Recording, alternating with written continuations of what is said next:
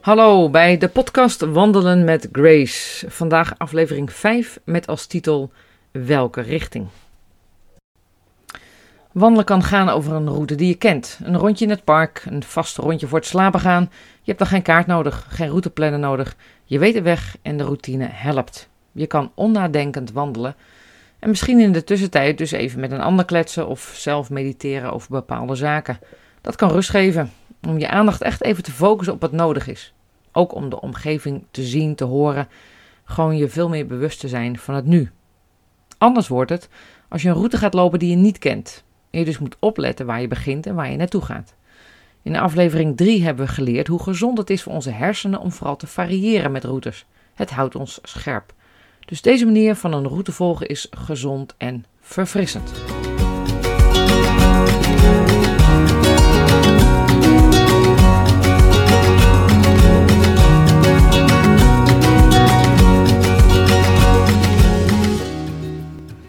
Een route volgen. Laten we daar even bij stilstaan.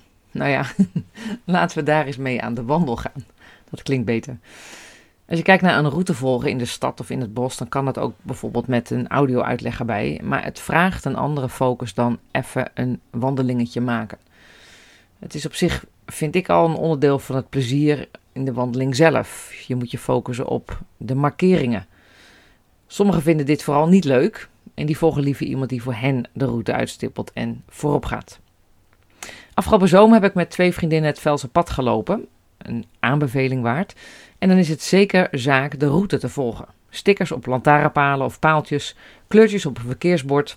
Soms zag de ene route wel, terwijl de ander zo doorliep en andersom. En één à twee keer zijn we weer teruggelopen, omdat we toch verkeerd waren gelopen. Het vraagt dus meer focus. Wat vraagt een route met markeringen? Het vraagt dus om opletten. Het vraagt erom dat je op zijn minste signalen begrijpt. Welke kleur moeten we volgen? Uh, hoe ziet dat eruit? Begrijp ik wat ze dan bedoelen? Uh, ik moet vertrouwen op degene die de route heeft uitgestippeld. Als ik bij elke aanwijzing denk, nou, ik weet het niet hoor, dan gaat het natuurlijk niet lukken. En het is handig om een kaart mee te hebben voor het geval de markeringen ontbreken of toch niet kloppen. En je toch dan eigenhandig de weg weer terug moet vinden. Een markering kan je ook bevestigen dat je op het goede pad zit. Het rode kleurtje op een boom ten teken dat je goed zit. Dat is echt heel fijn om tegen te komen, vooral als je een ingewikkelde route loopt en je op een gegeven moment twijfelt: gaan we wel goed? Dan heb je ook markeringen die je kunnen waarschuwen. Dat komen in Nederland niet echt heel veel tegen. Wel borden die aangeven dat je ergens niet in mag of dat het pad slipperig kan zijn bij heftige regenval. Maar in andere landen kan ik me zo voorstellen dat er waarschuwingen zijn voor vallend gruis vanaf gebergte uh, of andere waarschuwingen. En de markering kan je ook gewoon aangeven waar je bent. Wij kennen hier in Nederland veel al de knooppunten. Knooppunt 35, ah, we zijn er en we kunnen door naar 36 of een andere. Ook heel prettig om tegen te komen. Niet alle markeringen kloppen helaas, omdat de mens die ze uitstippelt niet perfect is en de natuur ook nog wel eens wijzigt. Zo kwam ik met mijn moeder in Duitsland bij een route uit die verkeerde markeringen had, waardoor onze route in plaats van 1 uur wel 3 uur duurde. Dankzij de kaart die we mee hadden en de GPS konden we via een andere route terug, maar dat was best even spannend. Ik ben ook een keer verdwaald met een groepje waarmee ik op vakantie was in Finland. We gingen een lange wandeling in de bossen maken. En in die tijd waren er nog geen smartphones. Ja, ja, zo jong ben ik. Die bossen zijn heel wijd, dus dat was best wel een dingetje. Gelukkig hadden we elkaar en bespraken we gedurende de wandeling al wat we in het bos zouden konden eten als we moeten overnachten. En, uh, en het was midden in de zomer, dus het zou ook niet echt donker worden s'nachts. Er was dus geen directe paniek, maar toch. Ik heb toen een trucje gebruikt die ik als kind had geleerd via een padvindersboekje van Donald Duck. dat die nog eens van pas zou komen. Namelijk kijken naar de richting van de stammen van de bomen waar ze naartoe buigen en waar dus water is. Waar eventueel een rivier is en volg die dan stroomafwaarts. Grote kans dat je een dorp of huizen tegenkomt.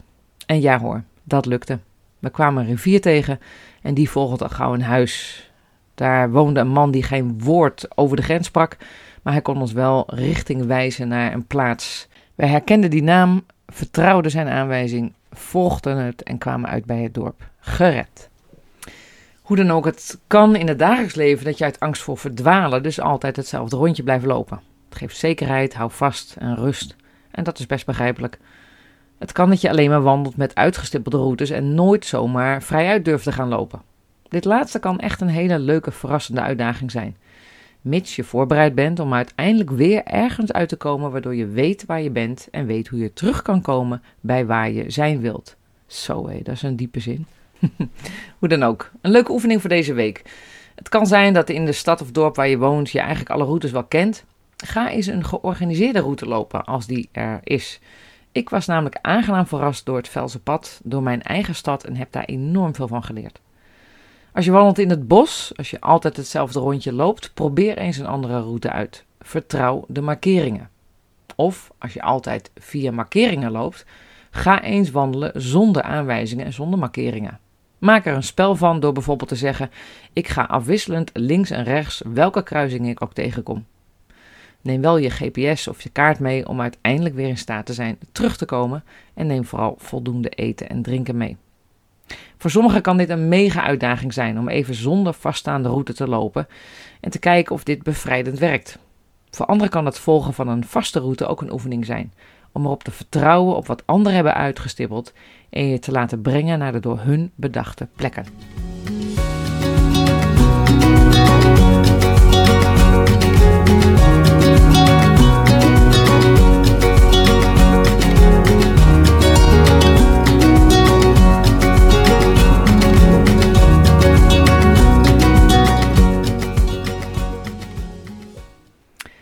Ja, het tweede deel. De principes die we hiervoor besproken hebben over markeringen gelden natuurlijk ook over markeringen en aanwijzingen in onze wandel met God. Het is best een heel interessant onderwerp. Misschien wordt er nog wel een tweede aflevering aan gewijd, want hier is zoveel over te zeggen. In de vorige aflevering hebben we het gehad over hoe makkelijk de brede weg is. Meegaan met de grote menigte, meegaan met de stroom, de makkelijke route kiezen en eigenlijk geen echte keuzes maken als het gaat om Gods koninkrijk en zijn principes. Daar sluit dit eigenlijk een beetje bij aan. Samen met God optrekken vraagt een keuze van alertheid. Van willen luisteren naar wat God spreekt, naar het woord luisteren, het woord vertrouwen en Hem willen volgen. God kan markeringen aangeven uh, via de Heilige Geest door in ons innerlijk te spreken. Die innerlijke stem die waarschuwt of die juist vrede geeft bij bepaalde keuzes. En soms is er een innerlijke stem van God waardoor je gewoon weet dat je weet dat God spreekt en welke richting je op moet gaan. De richting kan de Heilige Geest geven via Bijbelteksten, via liederen die in gedachten komen, via het spreken van anderen of omstandigheden die sturen. Of door leuke, frisse ideeën van jongeren die een nieuwe weg inslaan, of de wijze raad van ouderen. In ons leven zijn er anderen vooruit gegaan die al heel wat routes hebben bewandeld en waar het wijs is om hun markeringen, hun trailmarkers te volgen. Waarom eigenwijs je eigen weg bepalen, terwijl de voorgaande generatie echt al heel veel heeft geleerd van het wandelen en weet van bepaalde plekken waar een bordje pas op staat? Het is dan wijs om te luisteren naar hun raad. Bijvoorbeeld een jongere heeft een heftig conflict met iemand gehad, met een goede vriend, maar geeft aan dat hij meteen kan vergeven en dat het meteen doet. Hij gaat als het ware na het conflict meteen het pad van vergeving op en zegt daarmee klaar te zijn. Het kan dat een oude ervaren iemand dan zegt: kies zeker het pad van vergeving, maar neem eerst de lus van verwerking en houd het pad van vergeving voor ogen. Ga niet te snel, maar verwerk. Heb er verdriet over en dan kan je vanuit oprechte verwerking samen met de Heilige Geest vergeven. En is het ook een genezen wond en niet een wond die gaat etteren omdat je te snel een pleister erop hebt geplakt zonder dat de wond kan genezen. Een omgekeerd voorbeeld waarin een ouder iets van een jongere kan leren. Een ouder kan namelijk vastzitten aan bepaalde routes die doorleefd zijn en goed zijn, maar ze kunnen daardoor uit het oog verliezen dat er soms nieuwe paden zijn ontstaan die je naar hele mooie nieuwe gebieden kunnen leiden. Durf je als oudere dan het onbekende tegemoet te gaan en mee te volgen met de jongeren? Een ouder heeft bijvoorbeeld zijn hele leven de liturgie van een kerkdienst doorleefd als een vaste wandelroute. Zo moet het. En dan komt er een jongere en die roept dat het misschien wel gaaf is om de predikant in het midden van de zaal te zetten met de gemeenteleden er in cirkels omheen. En dat de gemeenteleden dan tijdens de preek vragen mogen stellen. Een hele nieuwe route. Durf je als ouderen het aan om dit pad te nemen, ervaring op te doen, mee te bewegen en langs zij te blijven lopen en niet af te haken?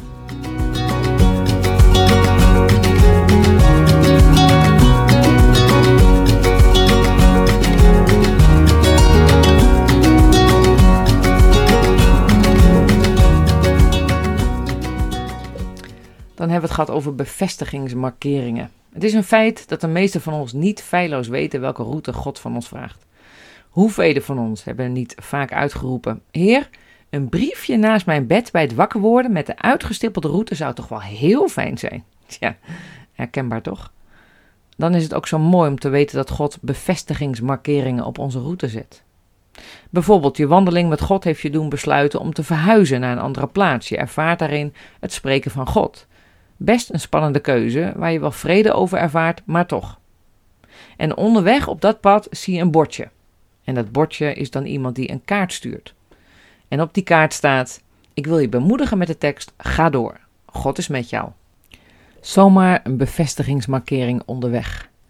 Iemand die spontaan iets schrijft waarvan jij weet: Ik ben op de goede route. Zo liefdevol is onze Vader. markering kan je ook waarschuwen.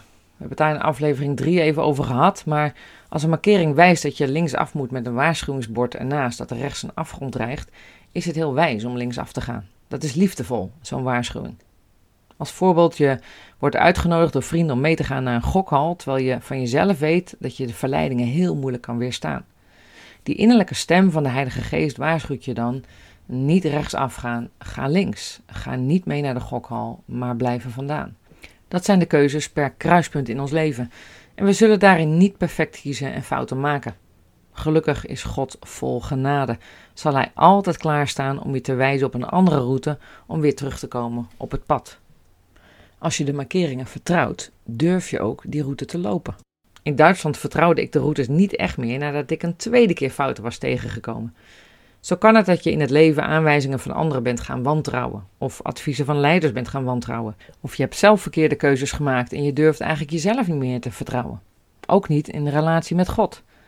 Dan bid ik je toe dat je weer uit zult komen bij het woord van God, bij Jezus. Johannes 1 schrijft daar zo mooi over. In het begin was het woord, en het woord was bij God, en het woord was God. Het woord was bij God in het begin. Door het woord is alles ontstaan. En zonder het woord is niets ontstaan van alles wat bestaat. In het woord was leven en het leven was het licht voor de mensen.